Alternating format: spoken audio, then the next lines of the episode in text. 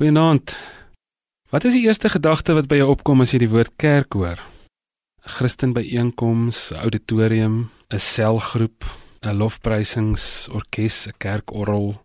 Partykeer praat ek met mense en dan sê hulle die eerste beeld wat by hulle opkom is voorskriftelik of skynheilig. Kan allerlei goeters wees. As jy dit egter sou Google, die woord church en en jy doen nie Google Images, die Google prentjies, dan is die eerste 200 en iets prentjies is prente van kerkgeboue met torings en party met hoenders op. Ons sal almal sê die kerk is die mense en son maar op 'n manier het ons die die wêreld anders begin oortuig.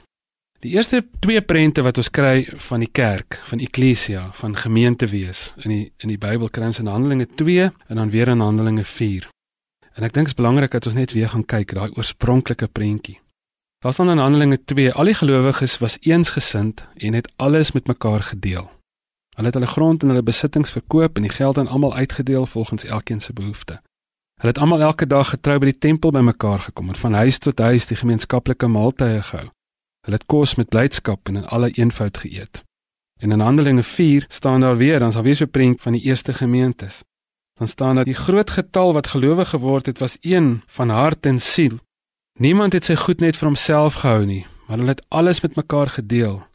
En dan staan daar die apostels het kragtadig getuig dat die Here Jesus uit die dood opgestaan het en die genade van God was groot oor hulle almal. Nie een van hulle het gebrek gely nie, want die wat grond en huise besit het, het dit verkoop en die verkoopprys daarvan gebring en vir die apostels gegee en dit het dan uitgedeel volgens elkeen se behoefte.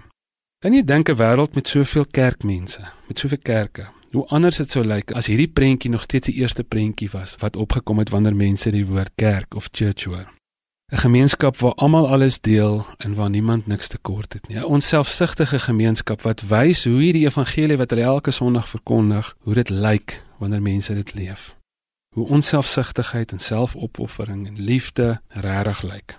As ons osself volgelinge van Jesus noem, word ons nie net geroep om die wêreld te vertel van hoe Jesus sy lewe gegee het vir die stukkende wêreld nie maar word ons ook geroep om ons lewens te gee vir mekaar in vir die stukkende wêreld. En dit is asof die vroeë kerk iets van hierdie mees basiese beginsel gesnap het. Is dit nie interessant nie, sê 'n vriend nou die dag vir my. Ons streef hierna om eendag tog hopelik ook 'n meer gemeenskap te wees wat regtig deel en wat omgee en regtig hierdie liefde leef.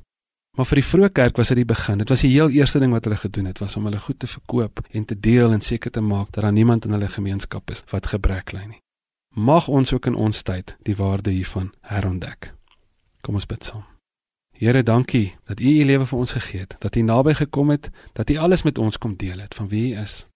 Ek wil bid dat ons ook dit sal doen vir mekaar. Ons wil bid dat hierdie vroeë kerkprentjie ook in ons tyd sal verskyn, ook in ons groepe, dat dit omgee gemeenskappe sal wees van U volgelinge wat lief is vir hierdie wêreld in Jesus Christus se naam.